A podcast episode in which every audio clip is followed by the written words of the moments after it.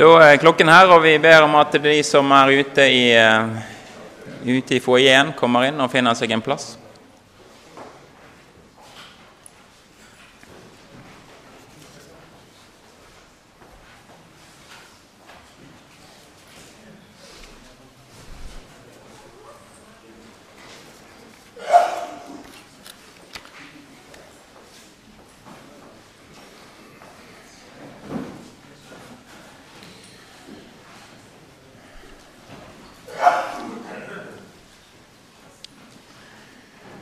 Vi begynner dagen med Guds ord og bønn.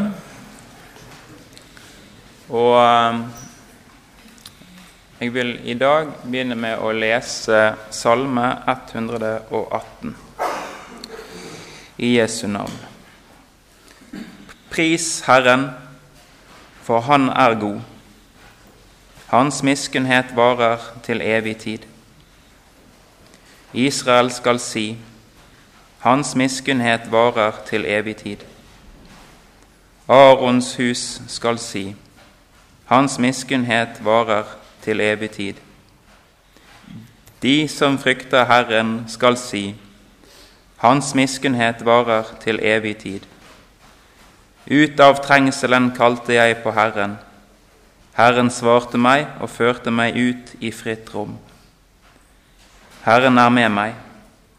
Jeg frykter ikke. Hva skal et menneske kunne gjøre meg? Herren er med meg. Han er den som hjelper meg.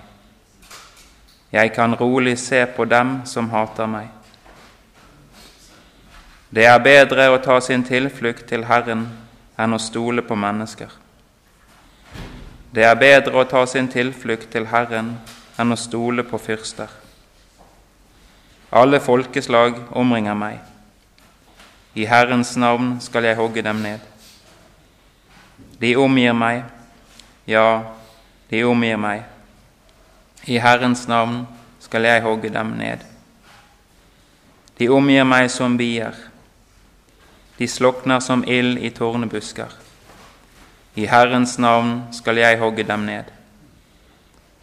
Hardt støtte du meg for at jeg skulle falle men Herren hjalp meg. Herren er min styrke og lovsang, og Han er blitt min frelse. Det høres fryderop om frelse i de rettferdiges telt. Herrens høyre hånd gjør storverk. Herrens høyre hånd opphøyer.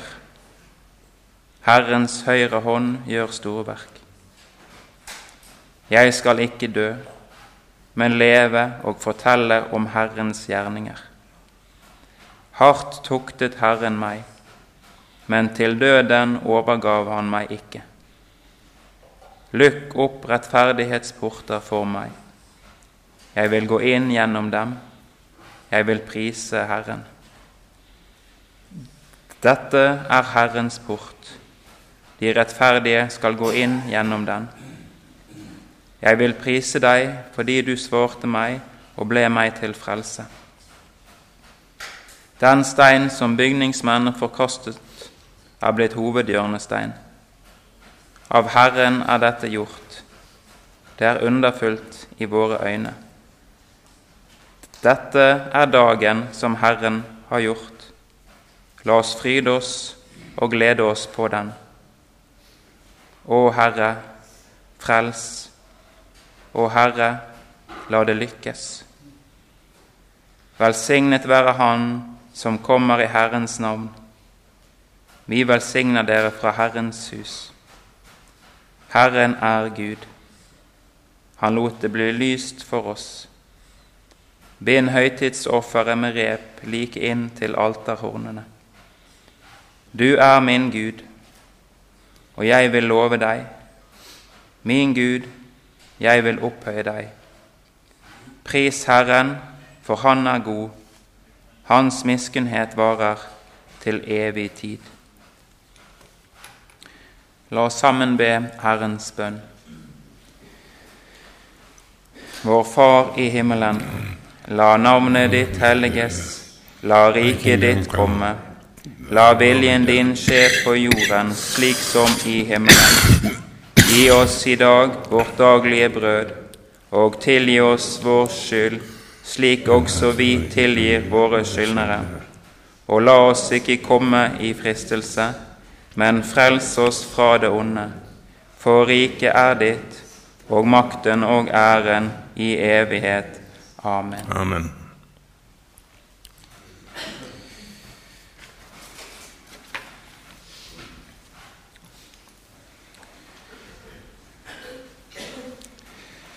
Med det så har vi begynt på dag to på lutherske fordypningsdager 2017.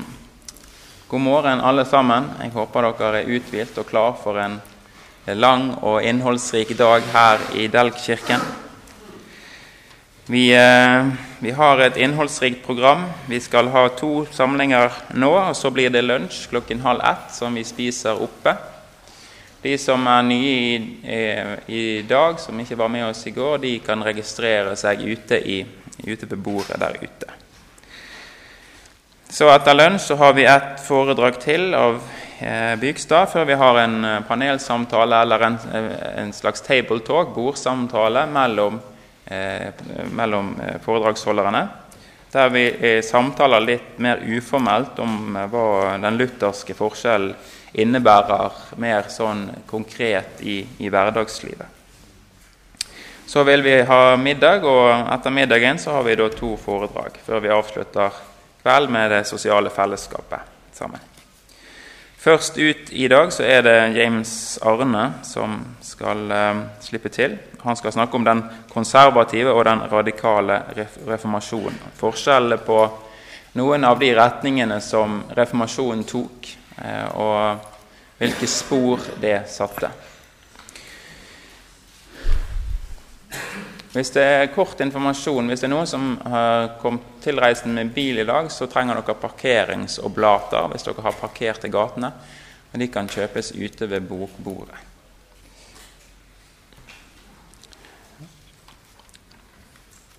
Da uh, synger vi sang nummer, sang nummer tre på arket vårt. Jarle, er det klart med opptaket? Ja. Okay. Og etter det så gir vi ordet til James Arne.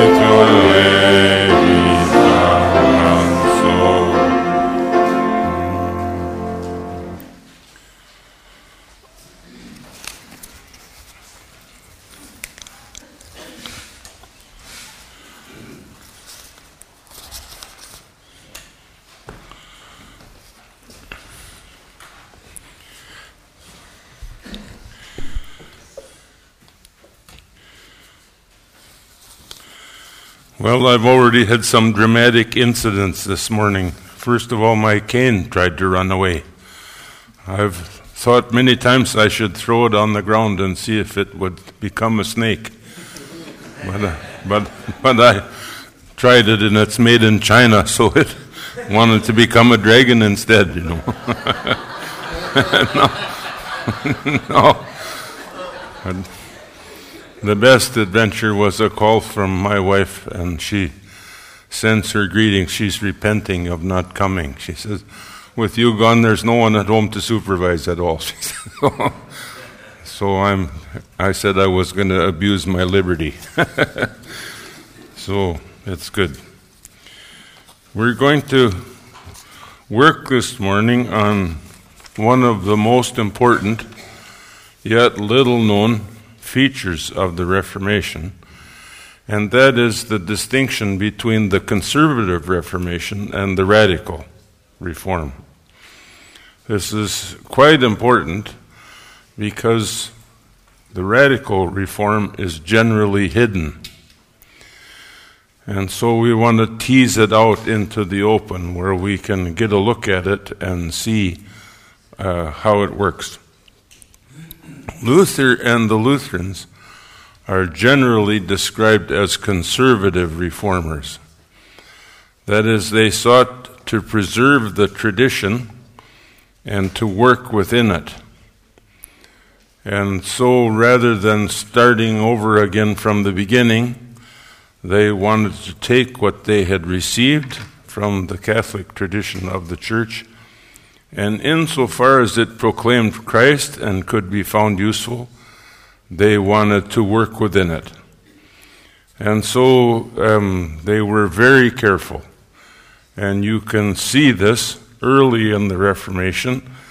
That is, they, their, Luther will say things like this To be sure, we upbraid, we condemn, we attack, but we do not on this account break the unity of the church. For a love that can bear nothing is fictitious, he says. Um, he's always seeking the priority of grace, the priority of Christ Jesus, the priority of God's Word, but always in a way that preserves and protects. I got to keep this over my ear here. It's like my cane that wants to wander. So, um, he seeks to preserve and protect and to keep within the tradition. Um, and he sought that in the face of some harsh odds.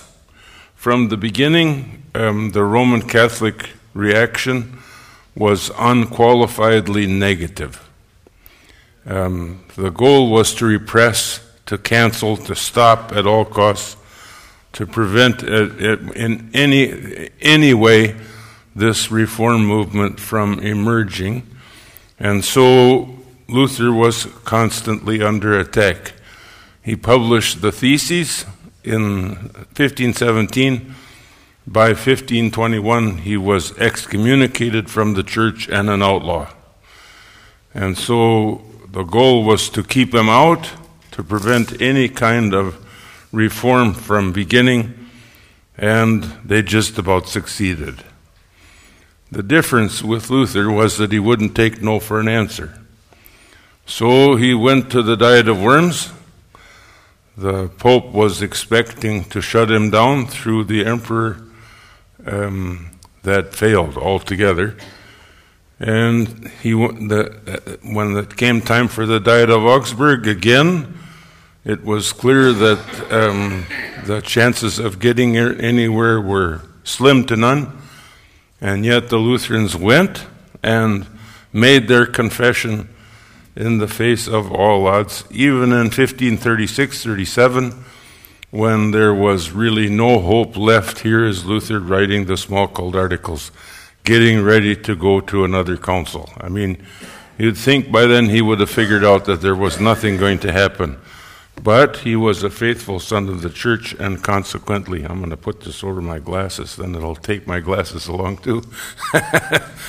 um, they, so he, he, he, remained a loyal son of the church, seeking to work within. Um, so Lutherans historically have continued to speak appreciatively of the Catholic tradition. When you go to a Lutheran service and compare it with a Roman Catholic Mass, you immediately notice similarities. We are at home with Catholic forms of worship. We disagree. We don't mind saying that we disagree. and yet at the same time we work within that tradition rather than over and against it. Um, so we are spoken of by the Pope as separated brethren. Huh? We are no doubt separated, but still recognized as part of the family. Now, um, in contrast to the Lutherans, who so carefully sought to retain, remain within the tradition, the radicals played by different rules. They believed it was necessary to scrap the tradition altogether, to break out, to start over again, and to make a new beginning. And they didn't mind saying that the whole tradition to this point had been degenerate, false, uh, that it had been a betrayal of Christ Jesus. They said this plainly. Uh, there were two main figures in this movement. Um, the first one is Andreas Bodenstein von Karlstadt. He's proof that a person can study too much. Hmm? He had three or four doctorates, hmm? and when the, his reform started, this man with all the doctoral endorsements would go out into the street and read the scripture out loud to illiterate peasants and ask them to interpret. He believed that the Holy Spirit was universally distributed in the air. If you hear the music from Texas that's now drowning in the storm, you can hear them burbling, The Spirit is in the air, turn the radio on. This is a famous country western song from the U.S. The Holy Spirit is in the air, and so you turn the radio on, you open your heart, and the Spirit comes in. So the Spirit is in the atmosphere, the Spirit is everywhere, and all it requires is sensitivity. You invite Christ into your life as though, as though He's standing out of your life helpless. Behold, I stand at the door and knock, but if you look at that famous painting, you notice that there's no doorknob. He's not going to get in that way. I mean, the, the, the story is that we are the ones who grant permission, and Christ Jesus waits patiently for the permission that we give him and enters. The Holy Spirit the same way. So Karlstadt started to work when Luther was at the Wartburg. Um, he was being hidden there after the Diet of Worms. There was a price on his head. He could be killed on sight. And so the elector of Saxony sent him up to the Wartburg to stay there for his own safety. Uh, he was kidnapped on the way home from Worms in a dramatic incident. He was kidnapped by some of Frederick the Wise's own men and taken up to the Wartburg in the region of the birds and the air, as he called it, and he stayed there for eight or nine months. He let his tonsure grow, his haircut. He let, so he, he, he was no longer bald in the center like a monk, and he let his whiskers grow. There's a wonderful picture of Junker George, huh? Knight George, who was down on his luck, was staying there. One night he went to a tavern. Um, and sat and listened to have a glass of beer, and he sat and listened to them discussing where Luther was and where he might be, and enjoyed uh, being at his own funeral in this way. it, was, it was amusing for him. So, so um, while Luther was away, Karlstadt went to work. Um, he, he attacked images Roman Catholic churches in the late Middle Ages were, in addition to being places of worship, art museums. And so if you go and see the old cathedrals, huh? even if you go to Trondheim and, and see the, the great cathedral in Trondheim, you'll see paintings and statuary. Uh, Luther thought this was a real fine way of preaching. When you see these wonderful paintings, you see Christ Jesus at work. You, your imagination is enlivened by this, and you can begin to picture some of the great incidents. I remember when I was a boy seeing an altar painting where Christ Jesus was reaching into the sea to pull Peter out of the water. I still remember looking at that, and when I preach on that passage, that picture comes to mind just like that. It's a form of preaching. In the same way, the statuary, the statues of Christ Jesus, you remember Thorvaldsen's Christ, for example, which was in very many Norwegian churches. These statues have a way of portraying Christ to us and witnessing. But Karlstadt uh, took the original second commandment you shall make no graven image. Now, um, one of the things about Karlstadt was that whenever he took anything, it went flat out to the extreme. You can make a good argument for the second commandment. If you watch the way television works on kids and on families, or if you sit in a restaurant and watch people sitting four at the same table, each involved in their cell phones. Huh? Huh? You see the way images can distract and captivate.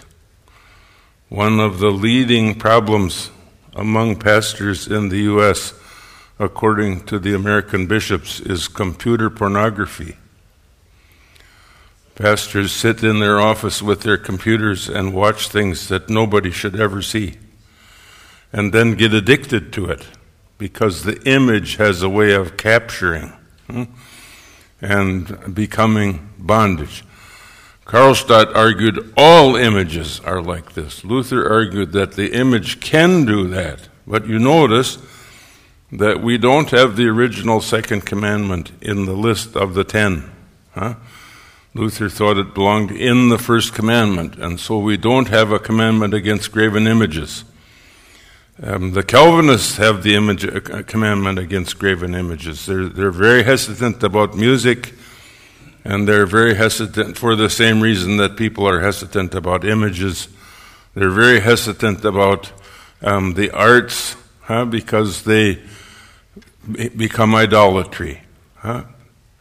So there's an argument back and forth. So when Luther was at the Wartburg, Karlstadt started destroying the images in the Wittenberg churches and throwing down the statues and cleaning the images out of the church.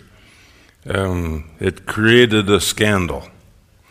Frederick, um, Frederick the Wise, the elector, was not amused by this since he had purchased most of these images and had a great collection of them. Huh? So it got to be um, a real conflict.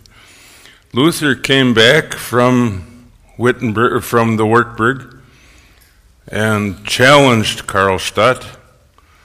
He preached eight Wittenberg sermons, some of his famous sermons, and restored himself to leadership in the reform and cleaned up the mess. Um, the second name that you might remember is Munzer, Thomas Munzer. He also believed that he had access to the Holy Spirit and that the Holy Spirit was planning a revolution. And so Munzer became one of the leaders of the um, Peasants' Revolt in 1525. What he began with some dignity ended in indignity. He was being pursued by the army and he raced into a widow's bedroom, pulled her out of bed, stole her nightie, and lay in the bed pretending to be her when the emperor's troops came in. they quickly exposed the fraud, mainly by pulling up the nightie. he gave himself away. So, Munzer and Karlstadt um, are two names you can remember from this, this uh, reform movement. Um, there are several different names for these groups. Uh, I'll talk about three authentic ones in a minute, but we should talk about some of these names because you'll hear the one name that is commonly used is that these people are called enthusiasts. That doesn't mean in this case that they're excitable or happy. Uh, the classic meaning of enthusiasm goes back to the Greek en theos, in God. The, or the radical reformers claimed that they had been taken up by the Holy Spirit and they were literally participating in the power of God. And so they came to be called enthusiasts. And that's one of the uh, kind of the, the best names for them. Um, they're often called Anabaptists. That's the mistake. Anabaptism is the practice of rebaptizing. So, undoubtedly, you know some people uh, who have been rebaptized. When I was a pastor out in the state of Oregon 30 years ago, 40 years ago, I had a woman in my congregation who lived down right by the ocean. Um, she was in the habit of having strokes when she wanted me to come and call on her. So her daughter would call me and tell me she'd had a stroke again, and would I please come out and visit her? So once I didn't get out there fast enough, and and uh, um, one of the Pentecostal preachers got to her first and convinced her that she needed to be rebaptized. she was by this time a very large woman and sickly. And I told her that if she went down in the Coquille River, she was likely to get a death of a cold. It would, was better to be content with her original baptism than to try it again. God did not make a mistake the first time I said, Your baptism is as good now as it ever was. So you should just leave it alone. Oh, no, no, no, I have to be rebaptized. So she was rebaptized in the Coquille River and, and sure enough got pneumonia. So then I went and called her on her in the hospital and I asked if this was an indication of God's opinion of her second baptism. Shut up, she said. but uh, her, her husband was stone deaf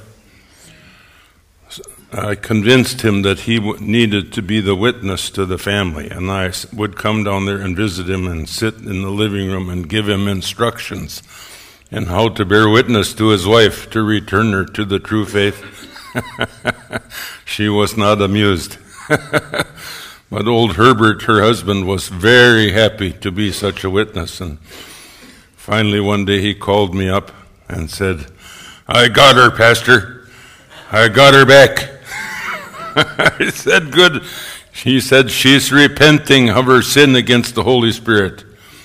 And so I'm going to bring her in and I want you to restore her to our, to our, to our church. I said, I'll be glad to do that. I'll meet you at the church at 10 o'clock Saturday morning. He was driving an old blue Plymouth, a great big American car with tail fins. they came driving into the church to the parking lot and Betty, his wife, got out reluctantly, and he and Herbert said, "Come on, come on!" Took her into the church, and I had a little service and restored her to our community, and she repented of her sin of being baptized the second time. Huh? But of course, it is a sin because God's promise does not need to be reaffirmed. God's promise is true and good and right. So, upon her repentance, I announced the forgiveness of sins and said, You're welcome to come to communion tomorrow. She said, Thank goodness. I'm not going swimming again, she said. well, that was a lot of fun, but it usually doesn't happen that way. Once a person goes this way, you usually lose them because they get so excited about the second baptism that the first is of no significance whatsoever. So, this is one form of radical reform Anabaptism, rebaptizers.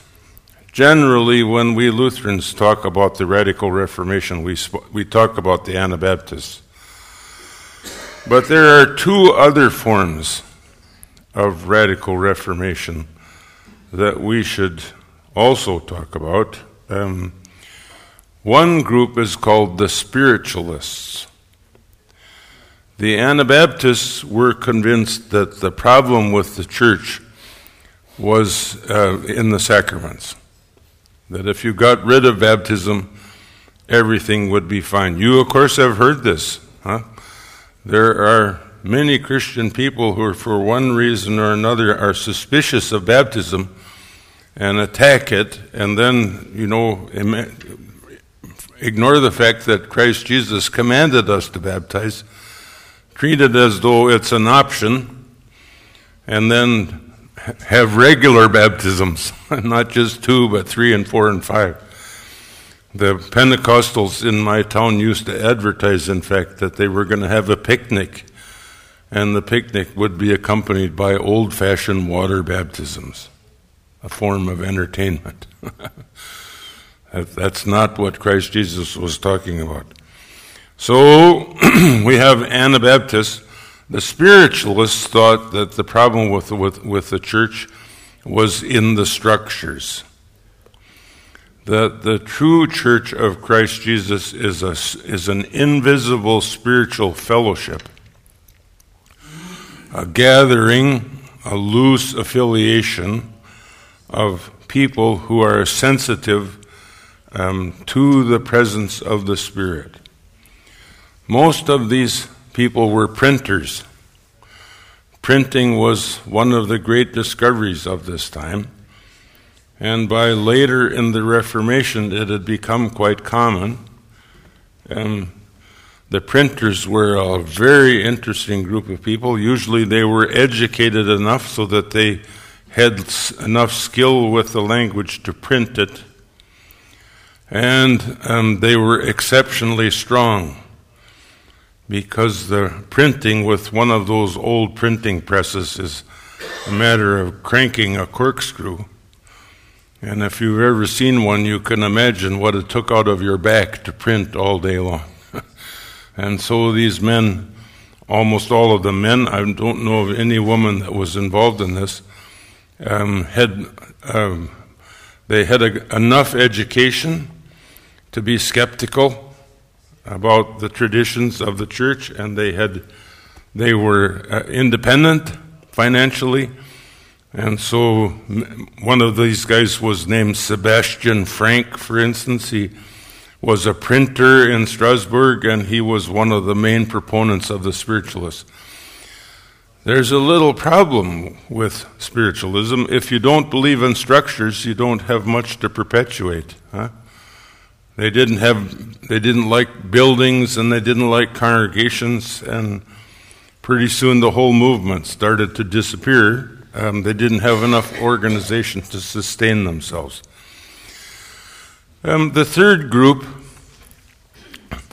might be fairly well known. Uh, these are called the evangelical rationalists. The best, the best example of this is a dentist from Spain whose name was Miguel Servetus. The spiritualists thought the problem within the church was its structures.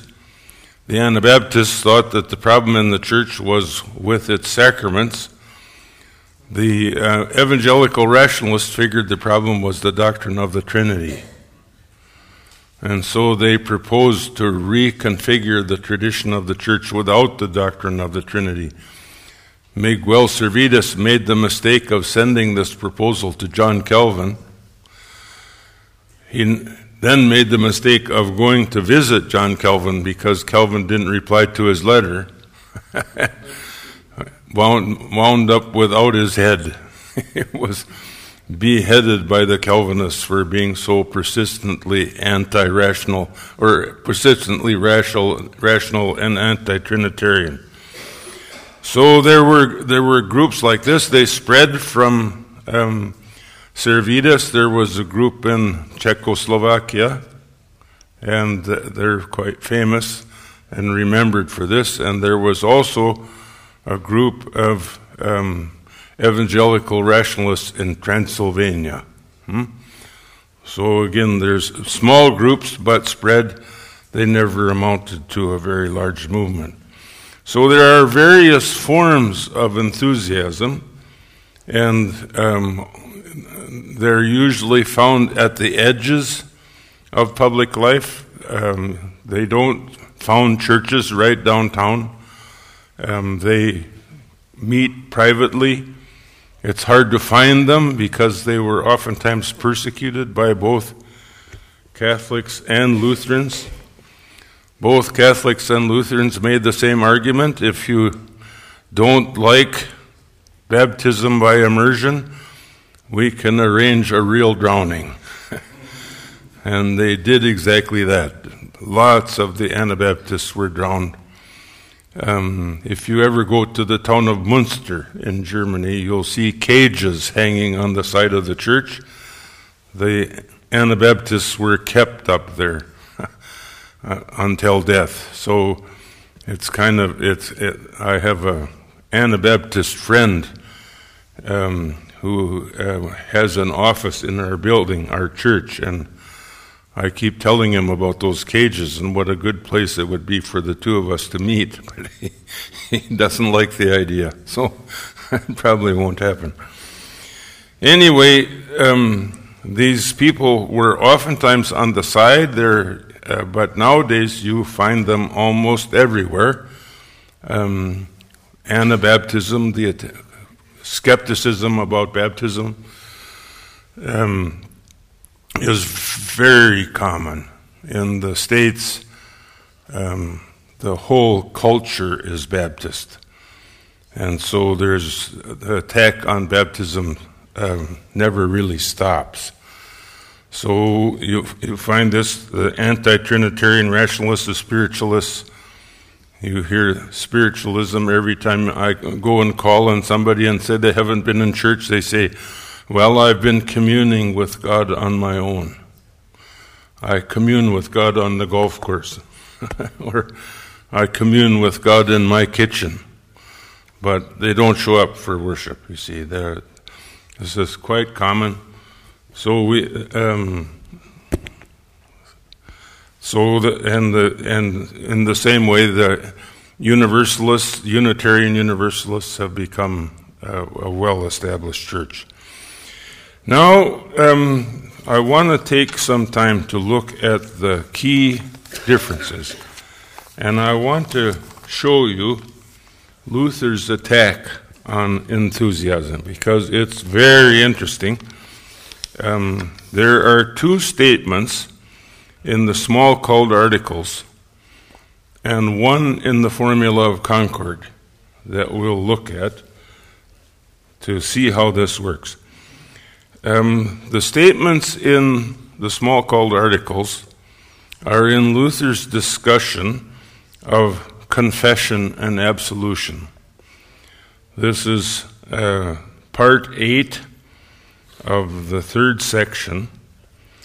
Um, and Luther writes as follows In these manners, matters which concern the external spoken word, we must firmly hold to the conviction that God gives no one his Spirit or grace except through or with the external word which comes before. Thus, we will be protected from the enthusiasts, that is, from the spiritualists, who boast that, boast that they possess the Spirit without and before the Word, and who therefore judge, interpret, and twist the Scripture or the spoken Word according to their pleasure.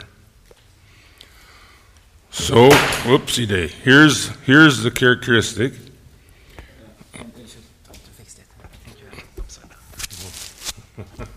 that might explain the problem.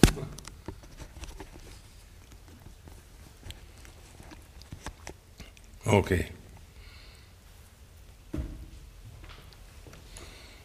Well, you, why don't you just take that? It's going to wander around anyway. Okay. So we start here. In these matters, which concern the external spoken word. You remember what Jesus says wherever two or three are gathered in my name, there am I in the midst of them. Jesus comes to us through the word that is spoken to us by our neighbors. First of all, our pastors, and then our family and other neighbors in the community. So, if you remember the explanation of the third article of the Creed from the Small Catechism, I believe that I cannot, by my own understanding or effort, believe in Jesus Christ my Lord or come to him, but the Holy Spirit has called me through the gospel, enlightened me with his gifts sanctified and kept me in true faith. He has called. Somebody has said, Christ is for you. Somebody has said, Come to church with me. Somebody has said, God loves you. Somebody has said, The body of Christ given for you, the blood of Christ shed for you. The word has been external it's been spoken.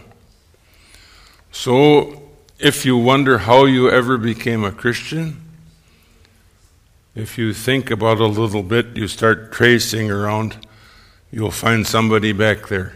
Hmm? Just like I found my grandpa yesterday. Huh? A mother or a father, or a teacher or a friend, a pastor, or somebody from the congregation who has stuck with you through difficulties and who has encouraged you. God sends witnesses, and these witnesses speak out loud. There's an external word, and it's addressed to you. It's addressed particularly to you. So there's an external spoken word. And through that external spoken word, God gives you His Holy Spirit. That is, the Spirit uses the word as a means to come to you and to take hold of you. So you hear the word spoken and you say, You know, I believe that's true. Or you hear the word spoken and you, and, you, and, and you say to yourself, I like it. That's good. Or you say to yourself, that doesn't make any sense now, but maybe it will later. Hmm? I mean, there you, you hear the word, and the word starts to take hold of you. And when it takes hold of you, it takes hold of your heart and takes hold of you deeply. So that the matters of the external spoken word, we hold to the conviction that God gives no one his spirit or grace except through the external word. It may be the preached word on Sunday morning. It may be the external word of baptism or the external word of the Lord's Supper. But there is an external word, and that word comes to us on the lips of another. And that other person is the check. You can go back to them and say, Did you say? Or you can say to them, What did you mean when you said? Or you can say to them, Did you really mean it? Or you can say to them, Would you say it again? Again, say it again. Usually that's the best indication that the gospel has happened. When you hear it, you get an appetite for it. And you want to hear it. And you say, Say it again. Say it again. So, when I talked to Carolyn this morning, huh, she said it again. Huh?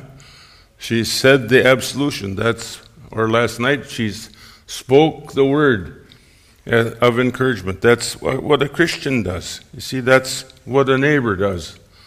And so in illness, so in sorrow, so in sickness, so in dread, so in loss, so in confusion, the Word comes and it clears a place in our heart.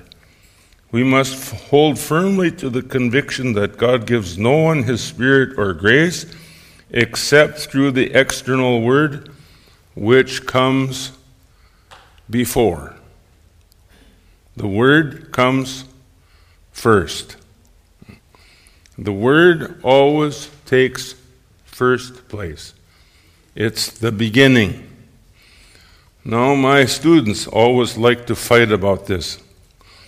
And they wanted to turn this into a mechanical proposition. The word comes first, then faith comes second, you know, like a, as though it's a horse in a carriage. The word has a life of its own. Maybe it's the word that you heard several years ago and has laid on your heart ever since, but not quite given fruit at, until later. Hmm? It's not as though the word is mechanically first, it's just that the word is prior. Without a word, it's not going to happen. And so the word comes first. We, we insist on this to protect ourselves from enthusiasm, to protect ourselves from being carried away and losing our bearings.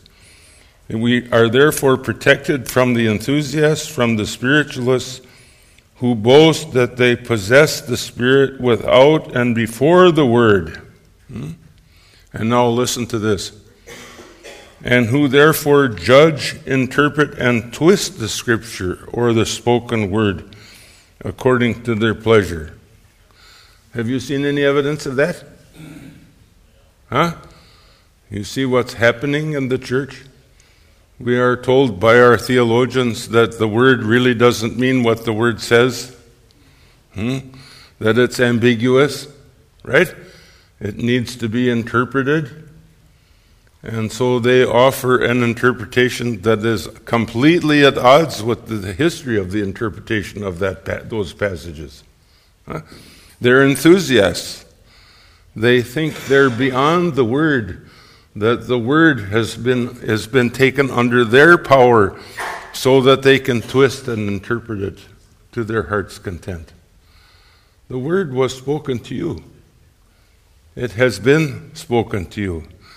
And we gather Sunday after Sunday in our congregations. We gather in our prayer groups. We gather as families around the Word, not because we're interpreting the Word, but because the Word is interpreting us. The Word interprets us, it shapes us, it creates us, it brings faith to us, it carries us into the new day, it brings us along the way. The Word, huh? God's spoken Word, is the father and mother of our faith. God's spoken Word is our life. And so we sing, God's Word is our great heritage. Huh? It is our life and it's our joy and it's, it's shaping to us. The minute I, when I was still teaching, the minute I heard a student talking about interpreting the scripture, I got nervous because I'd seen altogether too much of that. When the scriptures around uh, you are being interpreted, the word interprets you. And so, virtually every one of us that preaches can tell stories huh, of being shaped by a text. Before I retired, I was walking across the campus and I ran into one of my classmates. He said, I don't know what I'm going to do. He said, uh, We're starting into the lectionary for the tenth time. I've preached on all of these passages over and over again, and I can't think that there's anything more I need to say.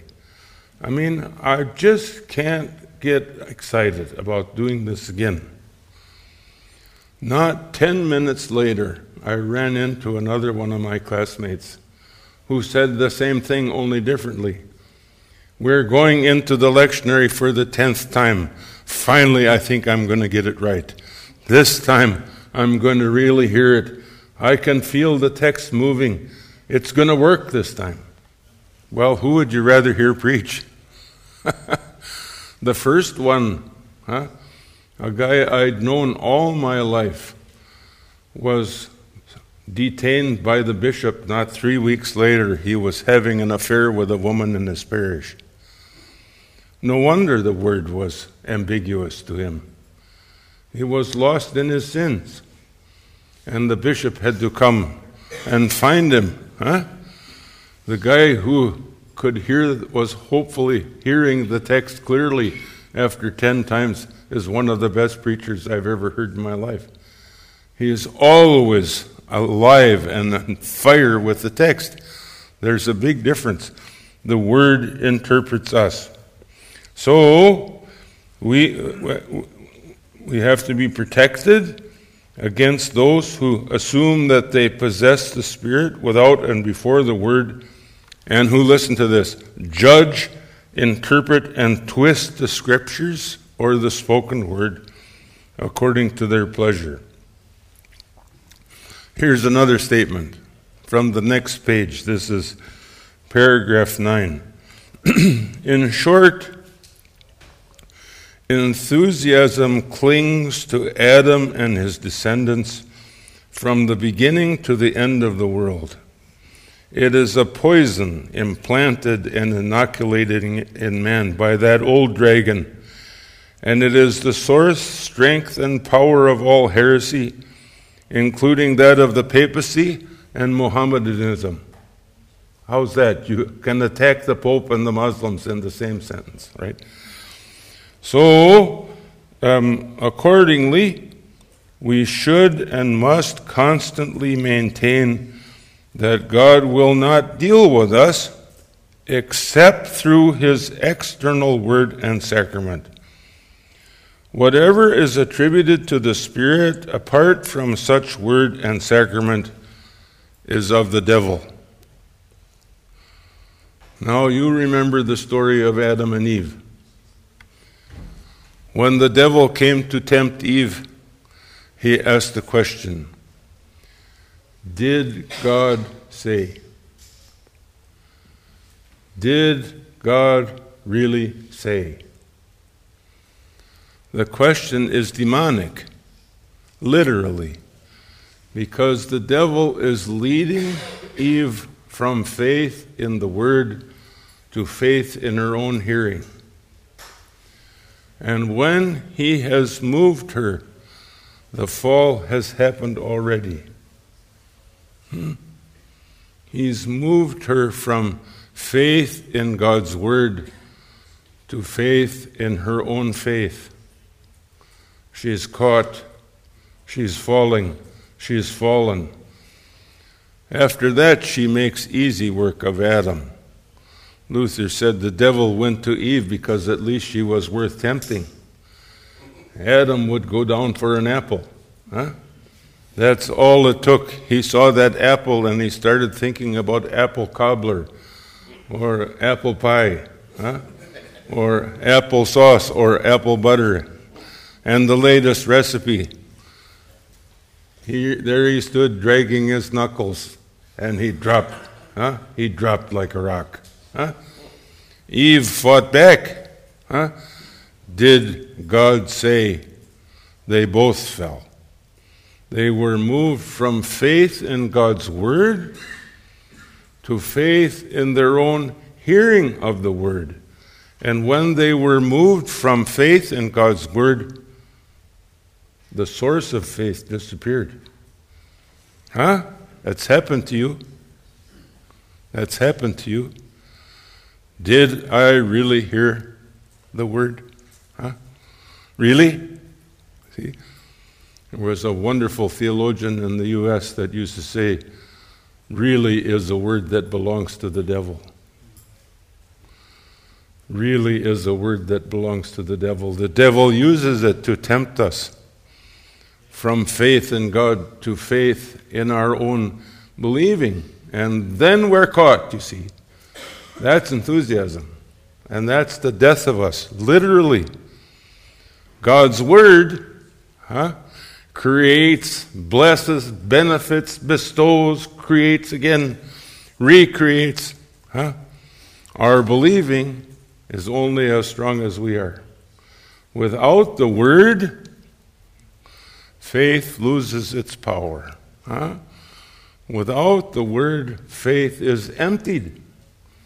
And then we sit, and then we're lost.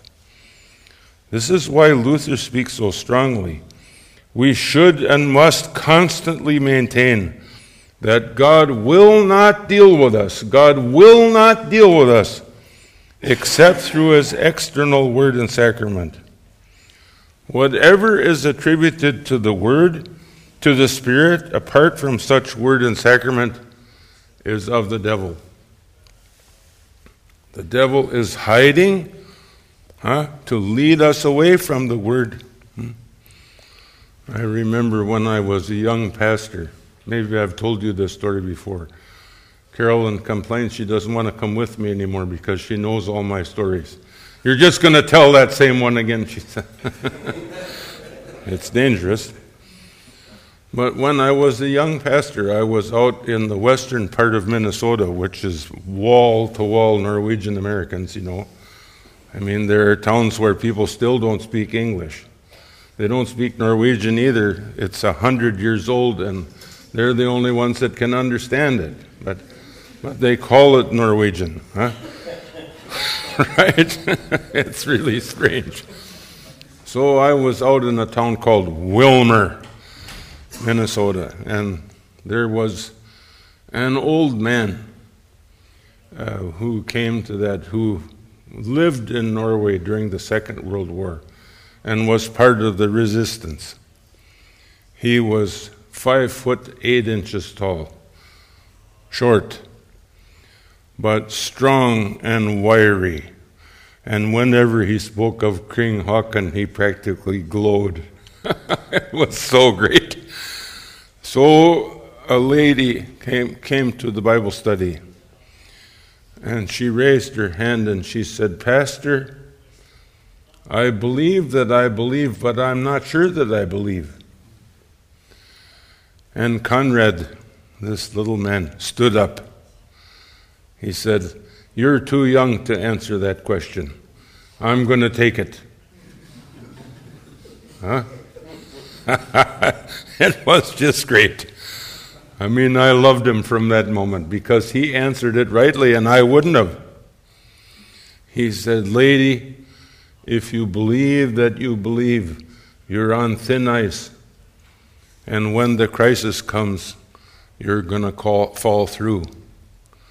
We don't believe in our own faith, we believe in Christ Jesus.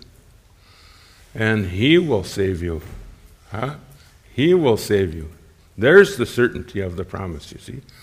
And that's just exactly what Luther is arguing for. Okay, I think we got some time for questions. Right? Is that am I right? Do we start at 11 again or do we have a break now? Yeah, there'll be questions this afternoon too, but if you got a question, you I'll take it.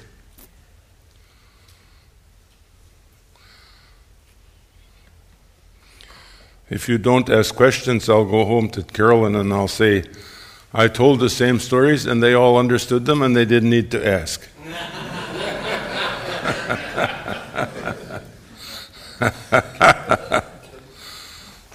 okay? Coffee tastes better.